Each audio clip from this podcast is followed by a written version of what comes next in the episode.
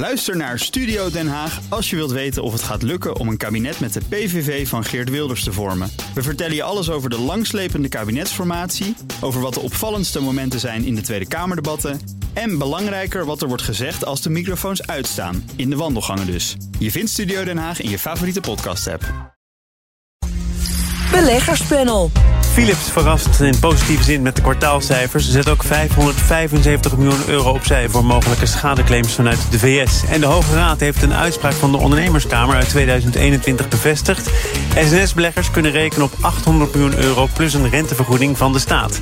Dat en meer bespreek ik in het beleggerspanel. En daarin zit Marco Groot, oprichter van 8 Days a Week. Ook bekend van de website marcogroot.com. En Reinder Wietsma, Head of Investments bij ABS Capital. Goed dat jullie er zijn. Dankjewel. Dankjewel. Met allereerst uiteraard jullie laatste transactie. Marco, welke is dat? Uh, mijn laatste transactie is de transactie die ik niet gedaan heb vandaag. Um, ik heb voor de cijfers geen aandelen flow traders verkocht. Um, en waarom niet? Omdat de resultaten totaal onvoorspelbaar zijn van dit bedrijf. Dus het komt omdat de volumes, de spreads en de vraag naar financiële producten per dag verschilt. Heel even, wat doet Flow Traders ook alweer? Flow Traders maakt een markt in aandelen, obligaties, in crypto's. Eigenlijk overal waar een spread te verdienen is. En daarnaast ook in ETF's. Dus de onderliggende waarde van de ETF wordt uitgehandeld. En zij maken dan de prijzen in die ETF's. Um, wat wel voorspelbaar is, lijkt, is de bedrijfsvoering. Nou, wat is het risico? Een actie in strijd met de regelgeving of een verandering van regelgeving. Maar zolang dat niet gebeurt, bewijst de historie op basis van de beursvolumes, et cetera, dat het aandeel altijd wel een minimaal een euro aan dividend kan produceren. Dus een procent of vijf. Ze zijn overgekapitaliseerd, dus daar kopen ze iedere keer aandelen voor in. En ik heb die aandelen, om het te schetsen, in 2020 gekocht. Ik heb sindsdien nul koerswinst gemaakt, maar wel 9 euro of een procentje of 40 dividend gevangen sindsdien. Dus ergens tussen de 7, 8 procent dividendrendement per jaar. Het kan een keer 5 procent zijn. En uitschieters naar boven op momenten dat het moeilijk is... is voor mij de moeite waard om het te blijven houden. Want de koers ging wel naar beneden na die uh, laatste cijfers. Ja. Viel allemaal een beetje tegen. En de cijfers daarvoor gingen ze heel hard omhoog. En normaal gesproken, dus ik heb bijvoorbeeld wel voor de cijfers ASML wat aandelen verkocht en na de cijfers weer terugkocht. Maar hier kan je geen pijl op trekken. Dus het gaat puur over de kwaliteit van de bedrijfsvoering. En daar, ja, daar kan ik geen deuk in schieten. Dividend is prima, dus ik hou ze lekker. Reinder, jouw laatste transactie. Ja, nou je kent ons ondertussen als een club die weinig eh, transacties doet. Zo ook deze keer, maar... Uh, eh, 14 april hebben we eigenlijk wel een indirecte transactie gedaan. Wij zijn beleggers in Canadian Pacific. En Canadian Pacific is, voor degene die het niet kent, een van de grootste spoorwegmaatschappijen, voornamelijk in uh, Noord in Canada, de kant van New York ook. En Canadian Pacific is al een tijdje bezig en het is nu 14 april formeel geworden met een overname van Kansas City Southern. En dat maakt een spoorwegnetwerk eh, door de Verenigde Staten heen in Canada en ook in Mexico nu van 32.000 kilometer. Um, en de bedrijven zijn nu samengegaan. Dat is een overname van 30 miljard. Dus het is op zich wel redelijk, redelijk volwassen geld. Um, en dat maakt ons eigenlijk nou, nu aandeelhouder in een wat nieuwer bedrijf en wat groter. Zonder dat je er zelf iets Zonder dat we zelf iets voor hebben hoeven doen. Uh, het ging om 25% van de aandelen die ze ook gebruikten om, om de overname te doen. Um, waarom is het interessant? Omdat je nu één spoornetwerk hebt van Mexico naar Canada. Kun je dus door de hele Verenigde Staten ook je klanten bedienen. Ze zeggen zelf dat ze daar zo'n uh, eh, 700 miljoen dollar aan extra omzet uit gaan halen. En wat efficiëntiewinsten. Dus dat is nog 200 miljoen dollar. Dus gecombineerd uh, een mooi netwerk. En, en ja, als je nadenkt over lange termijn beleggen. Nou, dan is dit er zeker een. Dan is dit er een spoorweg. Spoorwegen, spoorwegen, spoorwegen, garages. Spoorwegen, als ze eenmaal liggen, dan uh, blijven ze vaak liggen en je kunt er geen nieuwe meer bouwen. Nee. Dus het is, een, uh, het is een heel mooi netwerk voor nog een hele lange tijd. En uh, nou, we zijn al een tijdje aandeelhouder voor Canadian Pacific. En op deze manier hebben we nog wat meer spoorweg. Nog wel even naar de laatste transacties. toch te mooi om te laten liggen van de wonderbelegger Max R. Hebben jullie dat meegekregen? 26-jarige Amsterdammer. Ja, opgepakt door de Field van ja. verdenking van Ponzi-fraude. Dus nog altijd het ouderwetse piramides spel. Beleggers konden dan instappen vanaf 100.000 mhm. euro. Rendement beloofd tot 25% op jaarbasis. En ik heb jullie allebei maar één vraag. Hoe, hoe kan het toch dat mensen hier nog altijd intrappen? Is dat een pure hebzucht? Of Wil jij beginnen? Uh, ja, nou, er is wel iets in de mens dat weet dat het niet bestaat, maar toch graag willen geloven. Um, het, het, bestaat uiteindelijk nooit. Tenminste, je kan wel 25% verdienen, maar dan horen er ook tijden bij dat je 25% inlevert. Want dat is de prijs die je betaalt voor het hogere rendement. Um, en er, is, er zal altijd een groep blijven die heel graag willen denken dat zij degene zijn die iemand gevonden Miljoenen hebben. Miljoenen gaan er om in dit spelletje van deze. Oh nee, maar dit, dit is nog relatief, tenminste, ja, snap ik, maar, relatief klein bier. Maar er is nog geen cent belegd uh, als het allemaal klopt. Dan heeft hij het allemaal uh, gespendeerd aan een extravagante levensstijl. Ja, nou je hoopt dat het vastgoed dan nog iets meer waard geworden ja, is in de tijd kan. dat hij er. Uh, dat, dat, dat is gelukt, hè, volgens mij. Oké, okay, dus, nou, dan heeft hij daar dan nog wat goed gedaan. Maar nee, het is, het is, het is heel frappant weer. En zeker ook, hij was nog hartstikke relatief jong. Ja, uh, een hele toekomst voor zich. Vochten met een paar maanden ervaring als handelaar bij... bij... Ah joh, hij heeft als stagiair volgens mij een paar maanden... op de klantenservice van Bink uh, gewerkt. Ja, ik ook maar nog. is een hele, hele, hele goede verkoper geweest. Hè? Dus uh, ah. ik denk... Als ik, maar, ik denk dat er drie dingen hieruit af te lezen zijn. Ten eerste, dit is gemeld door de banken. Dus waar iedereen altijd iets te zeuren heeft over wat banken niet goed doen. De banken hebben dit gemeld bij de AFM en de FIOT. Dus uh, een klein applausje voor hun, uh, Zeker. Uh, voor hun doortastendheid in deze. Ten tweede, uh, Max verkocht lotjes van 100k. Dus het zijn niet de armste mensen die dit hebben gedaan. Um, en die blijken dus ook niet altijd even goed na te kunnen denken. En ten derde, het bewijst eigenlijk dat mensen vooral schapen zijn. Hè? Dat iemand vertelt dat het goed is, dat je het ook meteen aanneemt en zelf niet de tijd neemt om, uh, om dit te onderzoeken. Hoe uh, daadkrachtig, doortastend is uh, Philips? En dat zeg ik natuurlijk met een reden, want er uh, zijn cijfers gepresenteerd gisteren. Volgens veel analisten boven verwachting gepresteerd. Ja. En wat ook in het oog sprong, 575 miljoen euro apart gezet... heeft alles te maken met de slaapapneuapparaten en de economische claims... die daar, ja, ik benadruk het woord economische claims... die daaraan vastkleven. Want er zijn natuurlijk ook nog gezondheidsclaims. En ja. dan gaat het over wat andere bedragen. Maar is dit een, een goed begin, denk jij, Marco? Ik denk dat dit helemaal niets vertelt. De, oh. de, de, resultaten die nu geboekt zijn, die zijn niet direct een functie van het nieuwe bestuur. Ik bedoel, dit is een doorloop van het vierde kwartaal. Dus hartstikke leuk. De order intake was 0%. Dus 0% groei. Dus zo spannend was het, was het volgens mij niet. En wat belangrijker is, is je, één stap terug nog, sorry. Je kan van alles reserveren. Dan zet je het op je balans op een speciaal potje. Maar of je het spaargeld noemt of dat je het uh, een claimvoorziening noemt, het maakt allemaal niet zoveel uit. Het is geld op de balans. Um, en vanaf dat punt kan je gaan rekenen. In het eerste kwartaal heeft dit bedrijf 200 miljoen vrije kaststroom verdiend. Ze hebben het over het. Ze doen een voorspelling voor het hele jaar voor 700 tot 900 miljoen. Op het ogenblik is de marktkapitalisatie, uh, ik moet even kijken, 17,5 miljard en de netto schuld 7 miljard. Dus dat betekent dat ze eigenlijk zeggen: wij gaan 800 miljoen verdienen dit jaar op een, hè, op een ondernemingswaarde van 25 miljard... dan ben je net zo duur als Apple en ASML en Microsoft. Dat was net zo goedkoop. En, en duurder dan General Electric Healthcare. Dus waar zit de upside? Een enorme verbetering van de cashflow. En ik zie nog niet zo snel hoe dat in de komende twee, drie jaar door kan komen. Te meer omdat ze nog een hele lange weg te gaan hebben. Omdat ze al die rechtszaken nog hebben af te wikkelen. Dus ik vind niet dat het een goed begin is. natuurlijk bezuinigen. Ja, dus om het af te maken, ik vind niet dat het een goed begin is. dit is eerder uh, ver vooruitlopen op de muziek, volgens mij.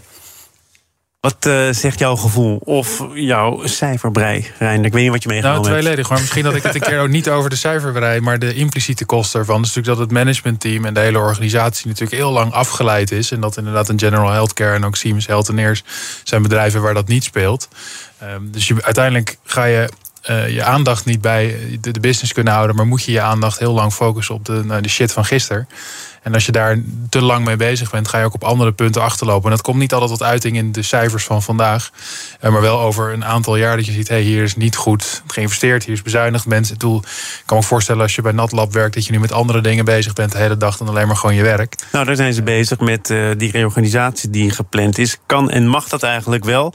Roy Jacobs, de topman van Philips, spraken we daar gisteren op BNR over en hij zei dit. Nee, wij zijn natuurlijk een innovatiebedrijf. Dus innovatie is uh, de levenslijn waar wij uh, succes op boeken. Ja. Derhalve is juist die ontwikkeling waarom we de innovatiekracht naar voren willen schuiven, dichter bij klanten en in de business, een belangrijke stap die we moeten zetten voor de toekomst van Philips.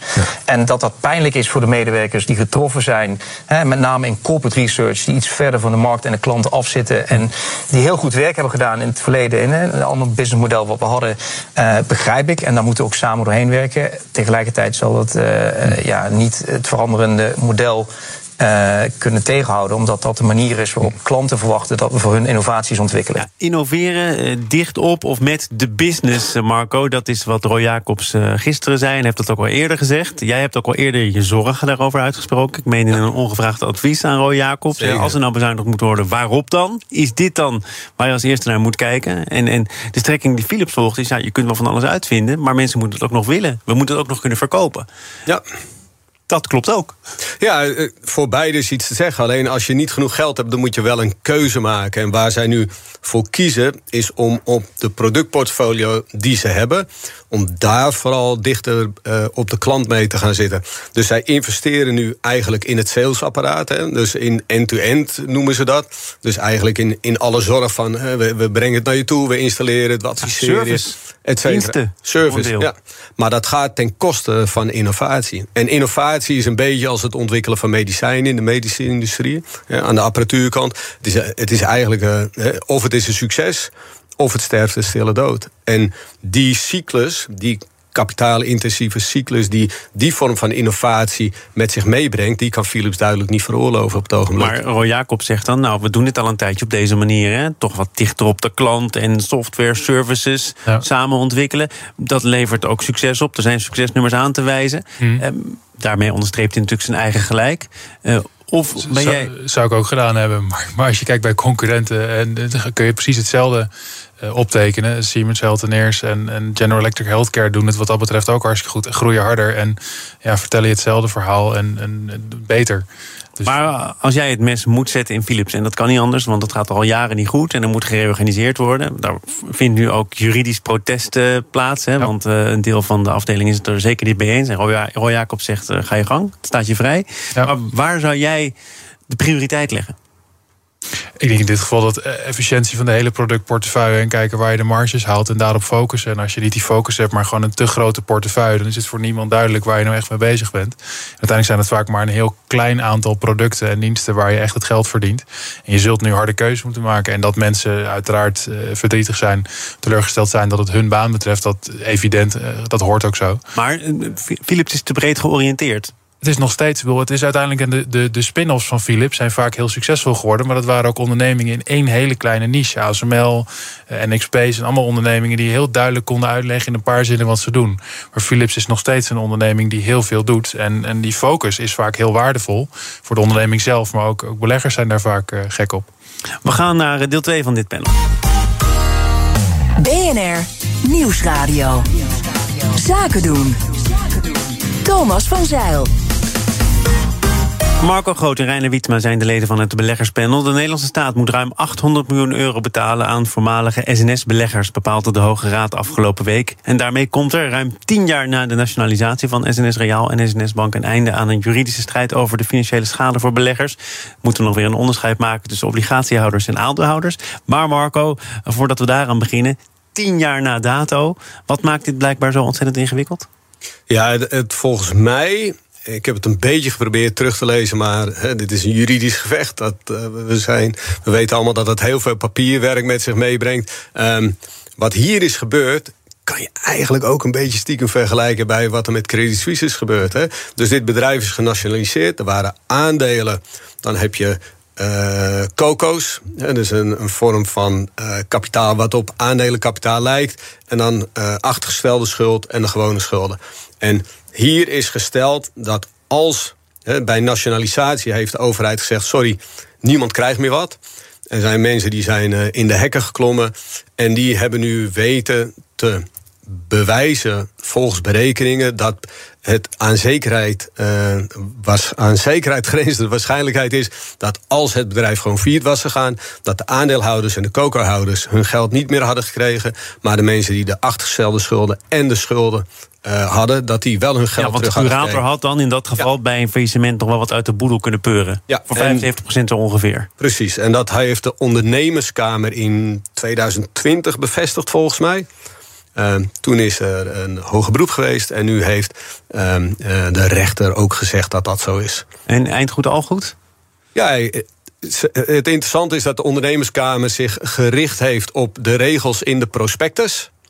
En die regels die zeggen dat dit de uitkomst had moeten zijn. Dus wat de overheid in 2013 heeft gedaan, klopt niet met de regels die in de prospectus stonden. Nou, dat heeft blijkbaar eh, zeven jaar bekvechten gekost en twee jaar hoger beroep. We zijn er nu uit. Kost 804 miljoen euro. Daar moet nog wat rente overheen betaald worden. Dus uiteindelijk gaat er een miljard de deur uit.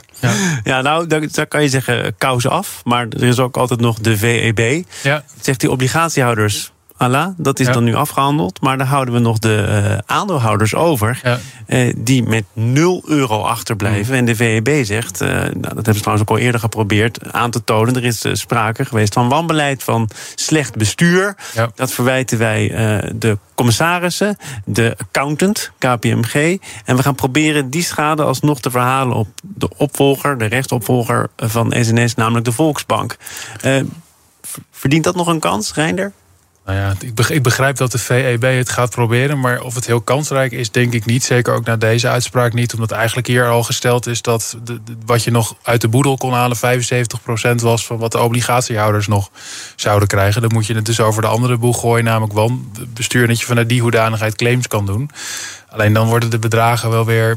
Ja, hoe, hoe- hoeveel kan je dan claimen en hoeveel ga je dan nog krijgen? Dat je dan heel weinig kans maakt. Maar de, de, de afwikkeling zover maakt wel, past wel in deze tijdsgeest. Eh, In die zin dat ook bij andere faillissementen nu in Amerika, recent ook Credit Suisse gezien hebben, dat dit de manier is waarop het gedaan wordt, aandeelhouders naar nul. Eh, En als het in de prospectus stond, zoals bij Credit Suisse, dan ook de obligatiehouders, maar anders eh, zijn Ja. die gevrijwaard. Ja. Op de site van de VEB staat in de nu aangekondigde civiele procedure krijgt de VEB de mogelijkheid om ook feiten en omstandigheden te betrekken die niet door de ondernemingskamer zijn meegewogen. Kortom, daar houden ze zich blijkbaar aan vast. Ze gaan, ze gaan een andere route proberen dan. Maar de, de boedel is, is op deze manier dus volgens de Hoge Raad correct verdeeld. En dat lijkt me ook wel logisch. Want ja, als je die assets van SNS een run-off had gegeven... dan had je er nog wat voor kunnen krijgen. Ja, plus je zou eerst weer terug moeten van 75 naar 100 procent op de obligatiehouders. En dan... Dan dus- de coco's moeten vullen. En dan pas mag je weer iets toekennen aan de aandeelhouders. Succes. Dus je, moet- je moet nog ergens miljarden en miljarden terug gaan vinden... voordat je überhaupt hier, hier iets van kan maken, volgens mij. We gaan naar de miljarden van Nestlé. Want bij de aandeelhouders van Nestlé stond voor een nieuwe coalitie van aandeelhouders één thema centraal: gezonde voeding. Die beleggers willen dat de maker van KitKat en Smarties, en ik kan nog een heel lijstje opnoemen, meer oog heeft voor de risico's van overgewicht. Dus Ja. kortom, eh, voor een belangrijk deel snoepjesfabrikant moet meer gezonde voeding gaan verkopen. Eh, moet Nestlé hier naar luisteren? Ja en nee. Als in eh, Nestlé zit, net als alle andere grote FMCG-producenten... in de squeeze dat er natuurlijk steeds meer focus komt... op gezondheid van hun producten. Het probleem alleen in de supermarkt is als je gaat rondlopen... dat alle voorverpakte en geprocessede foods vaker niet dan wel gezond zijn. En dat juist de producten zonder merk die niet verwerkt zijn... gezonder voor je zijn. Dus het hele segment zit natuurlijk een beetje in, in, in een moeilijke positie. Maar er komt een vettax en een suikertax en over een paar jaar is Dan het allemaal wetgeving. het en dan geef je de overheid eigenlijk het probleem. Maar dan geef je de overheid het probleem. Maar als Nestlé ook voor de lange termijn eh, een rendabel bedrijf wil zijn, kan het toch beter voorsorteren op wetgeving die eraan komt? Nou ja, de vraag is in hoeverre die suikertax of die vettax of elke vorm van wetgeving, elk lokaal in Europa of internationaal, voldoende impact gaat hebben. Als in we hebben een ander product dat eerder net eh, lot beschoren is, de sigaretten. Er is een heel veel belasting opgeheven, maar de bedrijven die ze produceren hebben daar niet heel veel last van gehad. Ik wil niet zeggen dat het één op één hetzelfde is. Alleen als alle producten met suiker duurder worden, hoeft dat nog niet een nadeel te betekenen voor Nestlé. KitKat zijn sowieso duurder dan het huismerk of de, de Euroshopper eh, variant. eh, die. Wat die eh, aandeelhouders, beleggers voor zich zien, is dat Nestlé zelf met een percentage komt van gezond voedsel. En dat dat dan mee moet groeien met de omzet. Dus dat het bedrijf zich vastlegt op een groei van het aantal gezonde producten als percentage van de omzet. Is dat, Is dat een goede methode? Nee, ik vind het lachwekkend. Ik vind echt, weet je, dan zou je tegen Ben Jerry moeten zeggen: je mag maar uh, 50% ijs met suiker mogen verkopen. Uh, en weet je, één stap terug. De discussie over wat gezond en ongezond is, is heel ingewikkeld. Hè? Ik leef met een vrouw. Die leeft als een topsporter en hele bijzondere prestaties verricht. Dus bij ons thuis is brood wat niet volkoren is, is al ongezond. Of pasta die niet volkoren is, is al ongezond. Dus dit is, dit is zo'n Maar zo kun je ook ingewikkeld discussiëren over wat duurzame energie is of niet. Kijk, als je de parallel trekt met wat doen we nog in fossiele bedrijven... en je kijkt naar de afwegingen die grote beleggers wat dat betreft maken... dan kan je toch wel enigszins inschatten dat dat hier ook gaat spelen? Jazeker, maar het, ik denk dat je dan beter aan het hek of aan de deur van, uh, van het huis van de mensen kan rammelen. En op scholen een ander onderwijs. Uh, een stukje aanbieden waardoor je mensen veel bewuster maakt wat gezond of ongezond voor je is. En die keuze zelf maken, dan het vanuit de bedrijven dicteren. Bedrijven hebben een, een, een verplichting om mensen te informeren. Um, en doe dat dan alsjeblieft maar moet Nestlé dit wel agenderen? Want ik begrijp dat het voor die aandeelhouders een belangrijk punt was, maar voor Nestlé niet. Nou, dat is interessant. Op het moment dat genoeg aandeelhouders dit interessant genoeg vinden, dan kan je niet anders doen dan dit punt agenderen. Ja, aan de andere kant zou je kunnen zeggen hè, over de squeeze waarin die, waarin die grote bedrijven eh, zitten. Ik keek nog even naar de laatste cijfers van Nestlé over 2022. Omzetstijging, maar de volumes zakten weg, de winst zakte weg. Ja. Misschien hebben ze er wel gewoon wat anders aan hun kop. dat zeker. In dit nou geval is het vooral nog inflatie en prijzen doorberekenen. De volume, of ze verkochten 10% meer, maar het volume bleef semi-gelijk. Dus het is heel veel doorberekenen van hogere kosten. Maar het komt allemaal niet in een vacuüm. Want je kunt tegen Nestlé zeggen: jij moet je productmix aanpassen. Maar dat wil niet zeggen dat de consument in het supermarkt iets anders ziet. Krijg, als je dat aan het managementteam met een bepaalde incentive meegeeft, krijg je dan krijg je eigenlijk de mogelijkheid om te zeggen: ik verkoop wel maar mijn chocoladedivisie om mijn waterdivisie wat uit te breiden. En dan voldoe je op papier weer. Maar in de praktijk voor niemand is er wat veranderd. Dus je moet ook heel voorzichtig zijn met waar je met dit soort ja, incentives of wensen naartoe gaat. Want je duwt een heel bedrijf een kant op waar ja, het netto-effect is nul. En dat is altijd heel ingewikkeld aan dit soort exercities. De exercitie van vandaag zit er weer op. Dank, Dank voor jullie eh, bijdrage aan dit ondernemerspanel. En uh, nou ja, blijf gezond, zou ik zeggen. Dan zien we elkaar een volgende keer weer. Marco Groot van E Deze Week en Reinder Wietsma, Head of Investments bij IBS Capital. Beleggerspanel wordt mede mogelijk gemaakt door Annexum. Al meer dan 20 jaar de aanbieder van vastgoedfondsen. Dit panel is ook te beluisteren als podcast. Abonneer je vooral even via je favoriete kanaal of de BNR-app. Zometeen gaat het over klantenfeedback via social media. Bij BNR ben je altijd als eerste op de hoogte van het laatste nieuws. Luister dagelijks live via internet. Bas van Werven. En heel langzaam komt de zon op rond dit tijdstip. Je krijgt inzicht in de dag die komt op BNR, het Binnenhof in Nederland en de rest van de wereld. De Ochtendspits. Voor de beste start van je werkdag. Blijf scherp en mis niets.